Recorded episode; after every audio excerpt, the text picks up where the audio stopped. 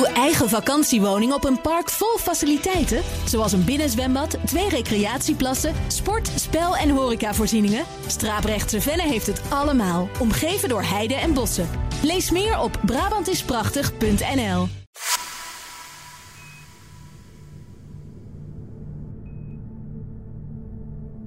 Wat was er voor de oerknal? Wat ligt er buiten het heelal? En wat is onze plaats in die wonderlijke kosmos? In deze podcast neem ik je mee naar de grenzen van ruimte en tijd en maak je kennis met de mysteries van het uitdijende universum.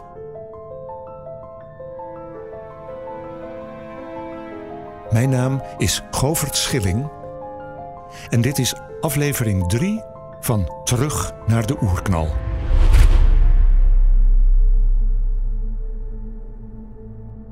In den beginnen was er een oerknal. Een gigantische explosie die het begin markeerde van ruimte, tijd, materie en energie. De oorsprong van alles. De wetenschappelijke versie van het Bijbelboek Genesis.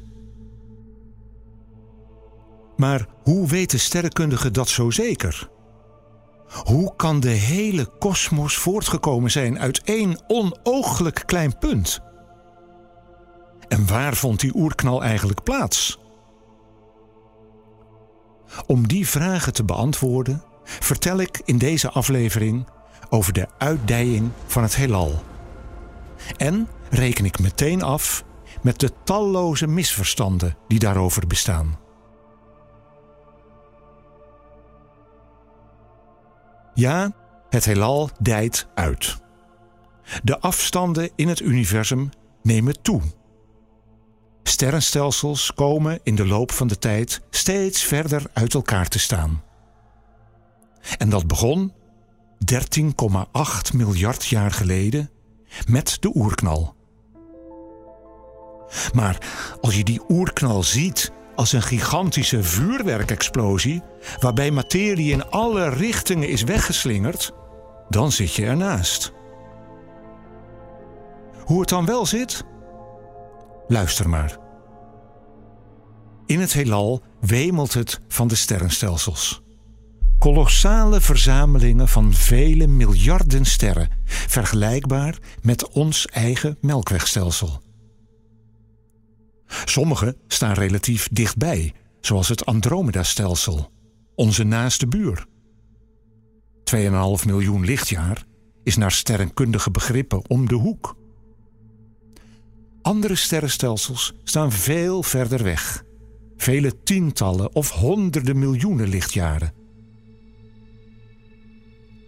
Maar astronomen kunnen niet alleen de afstand tot een ander sterrenstelsel bepalen ze meten ook de snelheid.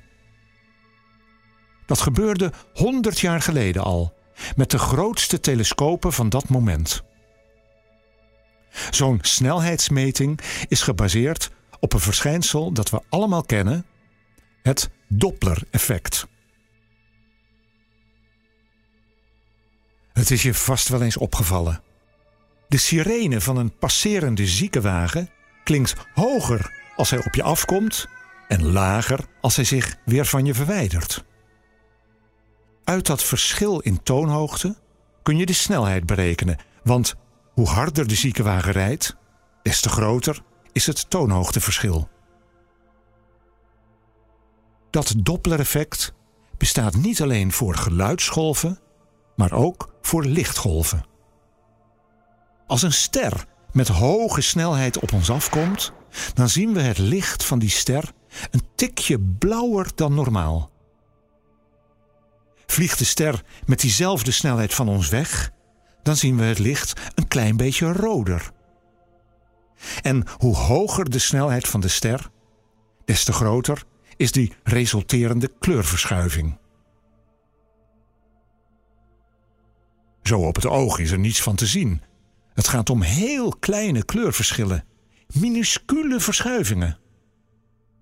Maar met een forse telescoop en een gevoelige spectrograaf kun je die blauwverschuiving of die roodverschuiving toch meten. En zo bepaalden sterrenkundigen begin vorige eeuw de snelheden van tientallen sterrenstelsels. En daarbij ontdekten ze iets bijzonders. Iets heel bijzonders. Iets wat niemand had verwacht, voorzien of voorspeld. Om te beginnen, vrijwel alle sterrenstelsels vertonen een roodverschuiving. Ze bewegen dus allemaal van ons af. Maar wat nog veel opmerkelijker is, de verst verwijderde stelsels gaan het snelst. Hoe groter de afstand, des te groter de vluchtsnelheid. Honderden, duizenden, tienduizenden kilometers per seconde. Hoe kan dat?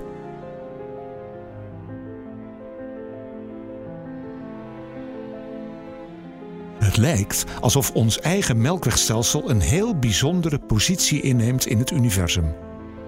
Alsof wij ons in het centrum van het uitdijende heelal bevinden. Alle sterrenstelsels vliegen immers bij ons vandaan, in alle denkbare richtingen. Ja, dan moeten wij wel in het midden zitten. Maar zo'n centrale positie voor de mens, daar moeten astronomen niks van hebben. Ooit dachten we dat de aarde het middelpunt van de kosmos was, totdat Copernicus afrekende met dat geocentrische wereldbeeld. Later leek het alsof onze zon centraal stond, maar ook dat bleek een misvatting. Zou die belangrijke rol dan nu wel zijn weggelegd voor ons melkwegstelsel? Onwaarschijnlijk. Bovendien hoe kwamen die andere sterrenstelsels dan aan hun enorme snelheden? Waarom zouden ze allemaal van ons melkwegstelsel wegvluchten? Albert Einstein kwam met de oplossing. De sterrenstelsels vliegen helemaal niet met hoge snelheden door het heelal. De uitdijing van het heelal is geen uitdijing in de ruimte, maar een uitdijing van de ruimte. Het is de lege ruimte zelf die expandeert. Zo neemt de ruimte steeds meer ruimte in beslag. Met als gevolg dat de sterrenstelsels uit elkaar worden geduwd.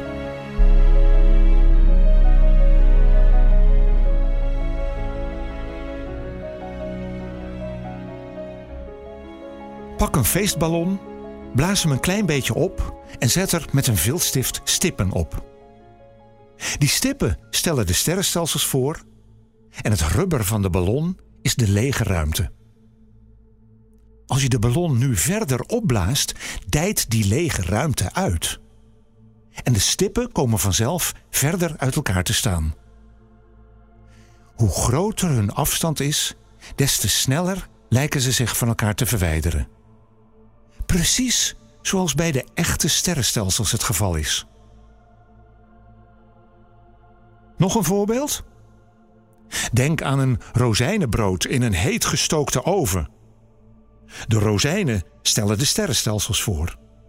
Het deeg is de lege ruimte. In de oven begint het deeg te rijzen. Het neemt steeds meer ruimte in beslag. De rozijnen worden van elkaar weggedrukt, en nee, ze bewegen niet met hoge snelheden door het deeg heen, maar hun onderlinge afstanden nemen wel toe. En het mooie, op welke rozijn je ook zit, overal zie je hoe de andere rozijnen van jou weg lijken te vluchten. Hoe verder weg ze zitten, hoe sneller hun afstand toeneemt. Precies als met de echte sterrenstelsels in het heelal. Waar je je ook bevindt, Overal zie je hetzelfde beeld. De andere sterrenstelsels lijken bij jou vandaan te vliegen, alsof jij je in het middelpunt van het heelal bevindt. Geen uitdijing in de ruimte, maar een uitdijing van de ruimte. Geen vuurwerkexplosie, maar een reizend rozijnenbrood. Geen sterrenstelsels die met kolossale snelheden uit één punt wegvliegen, maar een lege ruimte die steeds meer ruimte in beslag neemt. Maar hoe zit het dan met dat Doppler-effect? De roodverschuiving in het licht van een sterrenstelsel wijst toch op een enorm hoge verwijderingssnelheid? Ja, een bewegende lichtbron vertoont een minieme kleurverandering. Maar roodverschuiving kan ook op een andere manier ontstaan. Het licht van een ver sterrenstelsel doet er tientallen of honderden miljoenen jaren over om bij ons op aarde aan te komen. Al die tijd reist het licht door een uitdijend heelal. De lichtgolven worden daardoor opgerekt. Ze komen met een langere golflengte op aarde aan dan waarmee ze werden uitgezonden. Met een rodere kleur. En hoe langer het licht onderweg is geweest, des te groter is die kosmologische roodverschuiving. Goed, het heelal dijt dus uit. Er komt steeds meer ruimte bij en de sterrenstelsels komen steeds verder van elkaar af te staan. Maar dat verhaal kun je ook omkeren. Dat deed Georges Lemaitre, een Belgische kosmoloog die tevens Jezuïetenpriester was. Als het heelal in de toekomst steeds groter en groter wordt, dan moet het in het verleden veel kleiner zijn geweest. Als de afstanden tussen de sterrenstelsels voortdurend toenemen, moeten ze lang geleden veel dichter bij elkaar hebben gestaan. Op elkaar gepakt hebben gezeten. Vormeloos en nog zonder afzonderlijke sterren. Eén gigantische gasmassa van opeengestapelde atomen onwaarschijnlijk veel materie in een onvoorstelbaar klein volume. Een krankzinnig hoge dichtheid en daarmee ook een krankzinnig hoge temperatuur. Lemaitre stelde zich de geboorte van het heelal voor als het openbarsten van een kosmisch ei. Als de explosie van een allesomvattend oeratoom. Hij was de geestelijk vader van de oerknaltheorie. De wetenschappelijke versie van het Bijbelboek Genesis. In den beginnen. Misschien is het geen toeval dat het juist een priester was die met dit idee op de proppen kwam.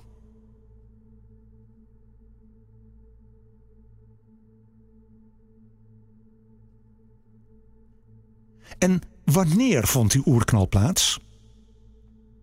Dat valt eenvoudig te achterhalen.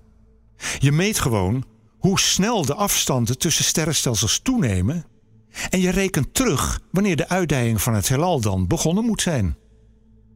De uitkomst? 13,8 miljard jaar geleden. De oerknaltheorie is geen fabel, geen verzinsel, geen losse flodder. Het is niet zomaar een mooi verhaal waar je wel of niet in kunt geloven. Sterker, je kunt er eigenlijk niet omheen. De uitdijing van het heelal is een feit. De oerknal is de logische consequentie. Het kan niet anders of het pasgeboren heelal moet enorm heet en enorm compact zijn geweest. Als je weet hoe heet en hoe compact, dan weet je ook wat voor kernreacties er plaatsvonden in dat piepjonge heelal. Hoe lang de temperatuur hoog genoeg was om protonen en neutronen samen te pakken in atoomkernen van helium. En hoeveel waterstof er dan overgebleven moet zijn. Zo doet de oerknaltheorie een voorspelling over de samenstelling van het heelal. Grofweg drie kwart waterstof en één kwart helium. En die voorspelling klopt exact met de gemeten hoeveelheden. Geen enkel ander scheppingsverhaal biedt een bevredigende verklaring voor die verhouding. En er is meer. Als de oerknaltheorie klopt, moet de kosmos er lang geleden heel anders uitgezien hebben dan nu. En ook dat is bevestigd. Want sterrenkundigen gebruiken hun telescopen als tijdmachines om zo de vroege geschiedenis van het universum te bestuderen. Ze hebben zelfs de zwakke nagalm van de oerknal gedetecteerd. Over die kosmische achtergrondstraling vertel ik meer in de volgende aflevering van deze podcast. En dan komen we eindelijk ook toe aan die prangende vragen over de grenzen van ruimte en tijd. Of die ook beantwoord worden? Dat durf ik niet te beloven.